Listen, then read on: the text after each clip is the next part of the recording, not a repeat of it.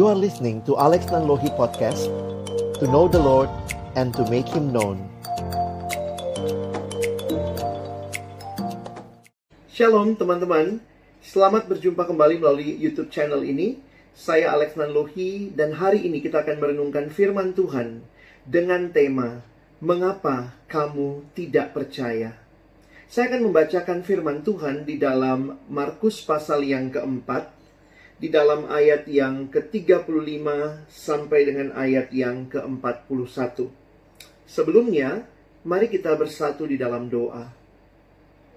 Bapa di dalam surga, kami akan membuka firman-Mu, bukalah juga hati kami. Jadikanlah hati kami seperti tanah yang baik, supaya ketika benih firman Tuhan ditaburkan, boleh sungguh-sungguh berakar, bertumbuh, dan juga berbuah nyata di dalam hidup kami. Tolong kami menyadari bahwa Engkau hadir dan terus berkuasa di tengah-tengah berbagai kondisi yang kami alami. Tolonglah kami ya Tuhan ketika kami membaca merenungkan firman-Mu. Di dalam nama Tuhan Yesus kami menyerahkan pemberitaan firman-Mu. Amin. Markus pasal yang keempat, ayat 35 sampai ayat yang ke-41 demikian firman Tuhan. Pada hari itu, waktu hari sudah petang, Yesus berkata kepada mereka, "Marilah kita bertolak ke seberang." Mereka meninggalkan orang banyak itu lalu bertolak dan membawa Yesus beserta dengan mereka dalam perahu di mana Yesus telah duduk dan perahu-perahu lain juga menyertai dia. Lalu mengamuklah taufan yang sangat dahsyat dan ombak menyembur masuk ke dalam perahu sehingga perahu itu mulai penuh dengan air. Pada waktu itu, Yesus sedang tidur di buritan di sebuah tilam. Maka murid-muridnya membangunkan dia dan berkata kepadanya, Guru, engkau tidak peduli kalau kita binasa? Ia pun bangun, menghardik angin itu dan berkata kepada danau itu, Diam, tenanglah. Lalu angin itu reda dan danau itu menjadi teduh sekali. Lalu ia berkata kepada mereka, "Mengapa kamu begitu takut? Mengapa kamu tidak percaya?" Mereka menjadi sangat takut dan berkata seorang kepada yang lain, "Siapa gerangan orang ini sehingga angin dan danau pun taat kepadanya?" Saudara yang dikasihi Tuhan, membaca perikop ini bukanlah kisah yang asing bagi banyak dari kita.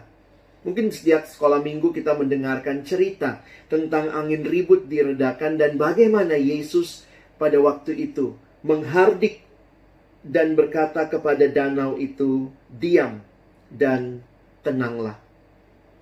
Pergumulan kehidupan menjadikan kita juga mungkin mengalami hal yang mirip dengan para murid-murid ketika mereka bertolak bersama dengan Yesus ada di dalam perahu dan mungkin sekali karena orang banyak yang mengikuti Yesus pada waktu itu dan dia mengajar mereka, maka mungkin sekali Yesus kelelahan sehingga ia tertidur.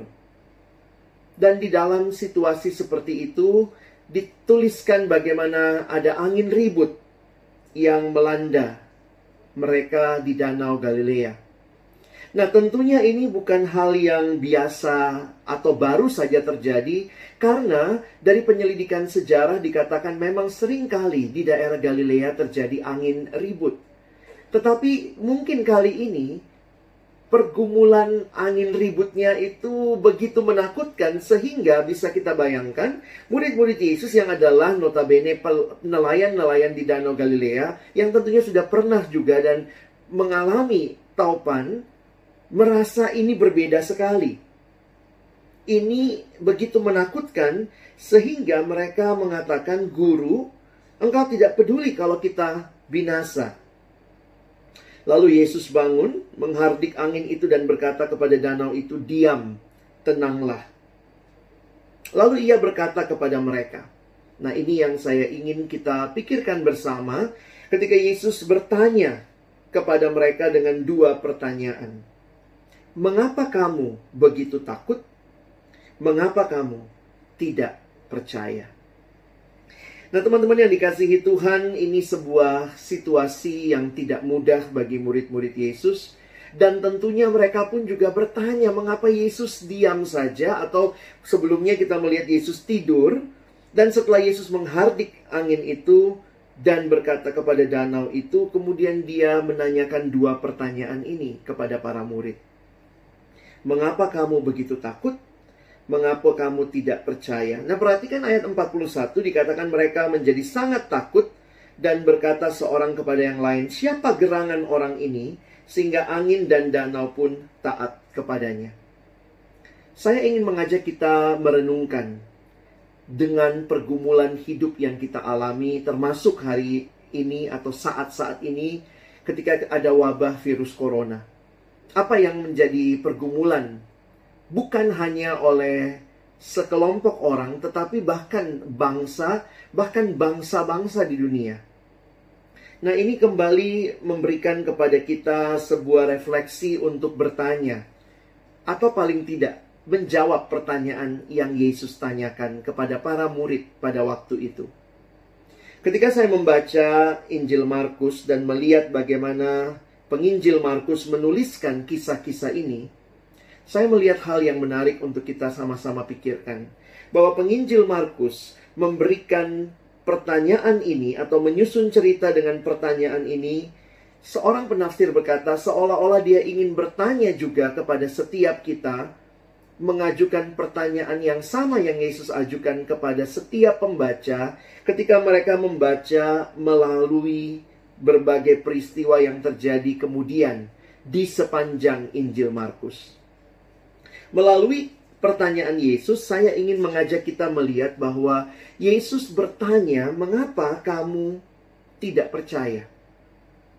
Berarti peristiwa ini mungkin bukan hanya peristiwa biasa yang terjadi begitu saja, tetapi melalui peristiwa ini Yesus mau murid-muridnya belajar untuk percaya dan makin kenal siapa Yesus. Dia bukan hanya seorang guru yang bisa mengajar dengan pengajaran yang begitu indah, tetapi dia adalah Tuhan yang berkuasa atas alam ini, bahkan atas angin ribut, dan dia sanggup menenangkan itu. Sehingga pergumulan yang penting untuk kita jawab adalah melalui peristiwa ini bukan hanya peristiwa angin ribut semata-mata, tetapi pertanyaannya, siapakah Yesus yang semakin dipercaya, semakin dikenal oleh para murid? Dan pertanyaan ini juga yang saya pikir di tengah-tengah pergumulan hidup yang tidak mudah dan bahkan sering kali kita sulit untuk memberikan penjelasan mengapa ini dan itu terjadi. Yesus tidak memberikan penjelasan mengapa angin ribut terjadi, mengapa dia seolah-olah membiarkan dengan tidur ketika angin ribut itu terjadi. Tapi yang menarik, Yesus membawa murid-muridnya berpikir lebih mendalam setelah peristiwa itu. Mengapa kamu tidak percaya? Nah, ini menjadi pertanyaan penting waktu teman-teman dan saya melewati berbagai pergumulan kehidupan ini bukan hanya pergumulan demi pergumulan, peristiwa demi peristiwa yang Tuhan biarkan terjadi, Tuhan izinkan terjadi, tetapi ini adalah kesempatan yang Tuhan berikan kepada kita untuk semakin kenal Dia dan semakin percaya kepadanya. Memang sering kali kita merasa Tuhan tidak peduli, Tuhan seolah-olah tidur, dia tidak ada, dia tidak hadir, dia bahkan kayaknya tidak tahu apa yang kita alami, sehingga kita merasa bahwa kita sendirilah yang sedang mengalami pergumulan yang berat. Tetapi dalam cerita ini, saya kembali diingatkan bahwa Dia hadir, dan kehadirannya menolong kita tenang, tidak takut, Kehadirannya seharusnya menolong kita makin percaya. Siapa dia? Yesus yang hadir di dalam perahu kehidupan kita. Teman-teman melanjutkan kisah ini, kalau kita baca secara cepat di Markus pasal yang kelima, Yesus mengusir roh jahat dari orang Gerasa. Murid-murid dibawa serta, Mereka tiba di Gerasa dan kemudian dikatakan, baru saja Yesus turun dari perahu, datanglah seorang yang kerasukan roh jahat dari pekuburan menemui dia. Perhatikan ayat yang ketiga, pasal yang kelima. Orang itu diam di sana dan tidak ada seorang pun lagi yang sanggup mengikatnya sekalipun dengan rantai karena sudah sering ia dibelenggu dan dirantai, tetapi rantainya diputuskannya dan belenggunya dimusnahkannya sehingga tidak ada seorang pun yang cukup kuat untuk menjinakkannya. Peristiwa ini Yesus tidak menjelaskan mengapa dia atau mengapa pergumulan orang yang dirasuk roh jahat ini terjadi, apa dampaknya, apa alasannya. Kadang-kadang kita mau menuntut penjelasan, kenapa Tuhan engkau membiarkan dia sekian lama loh sudah mengalami dibelenggu, dirantai oleh roh jahat. Tapi pertanyaan yang sama bergema lagi bagi kita waktu membaca kisah ini. Ini bukan cuma kisah Yesus menyembuhkan orang atau memulihkan dia setelah roh jahat diusir daripadanya. Tapi pertanyaannya bagi kita, siapa Yesus yang kita kenal, yang kita percaya? Seharusnya kita pun meyakini bahwa dia Yesus yang lebih berkuasa bahkan dari roh jahat. Dia Yesus yang lebih berkuasa dari alam angin ribut tadi. Dia Yesus yang bahkan lebih berkuasa atas atau dari roh jahat. Dan cerita berikutnya, Yesus menyembuhkan seorang perempuan yang sakit pendarahan. Teman-teman dituliskan di dalam pasal 5 ayat 25 ada so, ada di, adalah di situ seorang perempuan yang sudah 12 tahun lamanya menderita pendarahan. Pada masa dalam konteks uh, kehidupan orang Yahudi, seorang perempuan yang pendarahan itu tidak bisa masuk ke dalam ibadah. Jadi dia bukan hanya terasing karena penyakit, tapi tentu dia terasing juga secara kehidupan keagamaan dan tentunya dia terasing secara sosial karena orang yang menyentuhnya juga menjadi ikutan najis dan saudara bisa membayangkan 12 tahun. Mungkin kita bertanya, Tuhan mengapa begitu lama? Mengapa Tuhan engkau mengizinkan peristiwa seperti itu terjadi begitu lama? Tetapi di sini kita bisa melihat satu hal bahwa Tuhan lebih berkuasa dibanding penyakit yang dialami. Tuhan tidak menjelaskan detail 12 tahun itu, tetapi ketika dia menyembuhkan, pertanyaan yang sama, mengapa kamu tidak percaya? Atau siapakah Yesus yang kita percaya? Dia Yesus yang bahkan lebih berkuasa dari penyakit dan kemudian kita melihat cerita yang terakhir di pasal yang kelima, Yesus membangkitkan anak Yairus yang sudah mati dan kemudian dia dibangkitkan. Dan ini juga menarik kalau kita memperhatikan ceritanya ketika itu orang sudah datang dan berkata anakmu sudah mati. Apa perlu lagi engkau menyusahkan guru? Tapi Yesus tidak menghiraukan perkataan mereka dan berkata kepada kepala rumah ibadat, "Jangan takut, percaya saja. Dan waktu Yesus datang dan kemudian membangkitkan anak Yairus, kita pun melihat bahwa Yesus lebih dari kuasa kematian. Teman-teman yang dikasihi Tuhan, peristiwa-peristiwa hidup harusnya bukan hanya kita lalui, kita bertanya, kita bergumul, Tuhan mengapa hal ini terjadi? Tetapi lebih lagi, mari menjawab pertanyaan Yesus setelah melalui pergumulan ini. Siapa Yesus yang teman-teman dan saya makin percayai? Dia Yesus yang berkuasa atas penyakit. Dia Yesus yang berkuasa atas alam. Dia Yesus yang berkuasa juga atas roh jahat. Lebih berkuasa dia mengusir roh jahat dan dia Yesus yang bahkan lebih berkuasa daripada kematian. Karena dialah jalan dan kebenaran dan hidup. Pergumulan corona yang kita alami saat ini mungkin kita pun bertanya, mengapa Tuhan sampai berapa lama kita tidak diberikan jawaban tuntas atas pergumulan-pergumulan itu? Tapi satu hal yang menarik, mari jawab pertanyaan ini. Ketika kita melalui pergumulan ini, siapa Yesus yang semakin saudara dan saya percaya? Dan ketika kita sungguh-sungguh percaya, apakah kita menyerahkan hidup kita kepadanya? Sehingga kita bisa berkata, aku belajar percaya dan tidak takut. Tentu ada bagian kita menjaga kebersihan, men mencoba menjaga jarak dengan orang lain sebagai upaya supaya tidak saling menularkan dan seterusnya. Itu semua upaya yang kita lakukan. Tetapi jangan lupa, ingat juga Allah hadir di dalam pergumulan ini. Di tengah-tengah badai corona, di tengah-tengah kematian yang terjadi karena hal-hal yang sulit kita jelaskan tetapi ini mengingatkan kita bahwa Dia Allah yang layak dan sanggup dan bisa dipercaya. Dan inilah yang menjadi iman kita. Teman-teman sering kali tidak mudah, orang Kristen sering kali disebut orang percaya.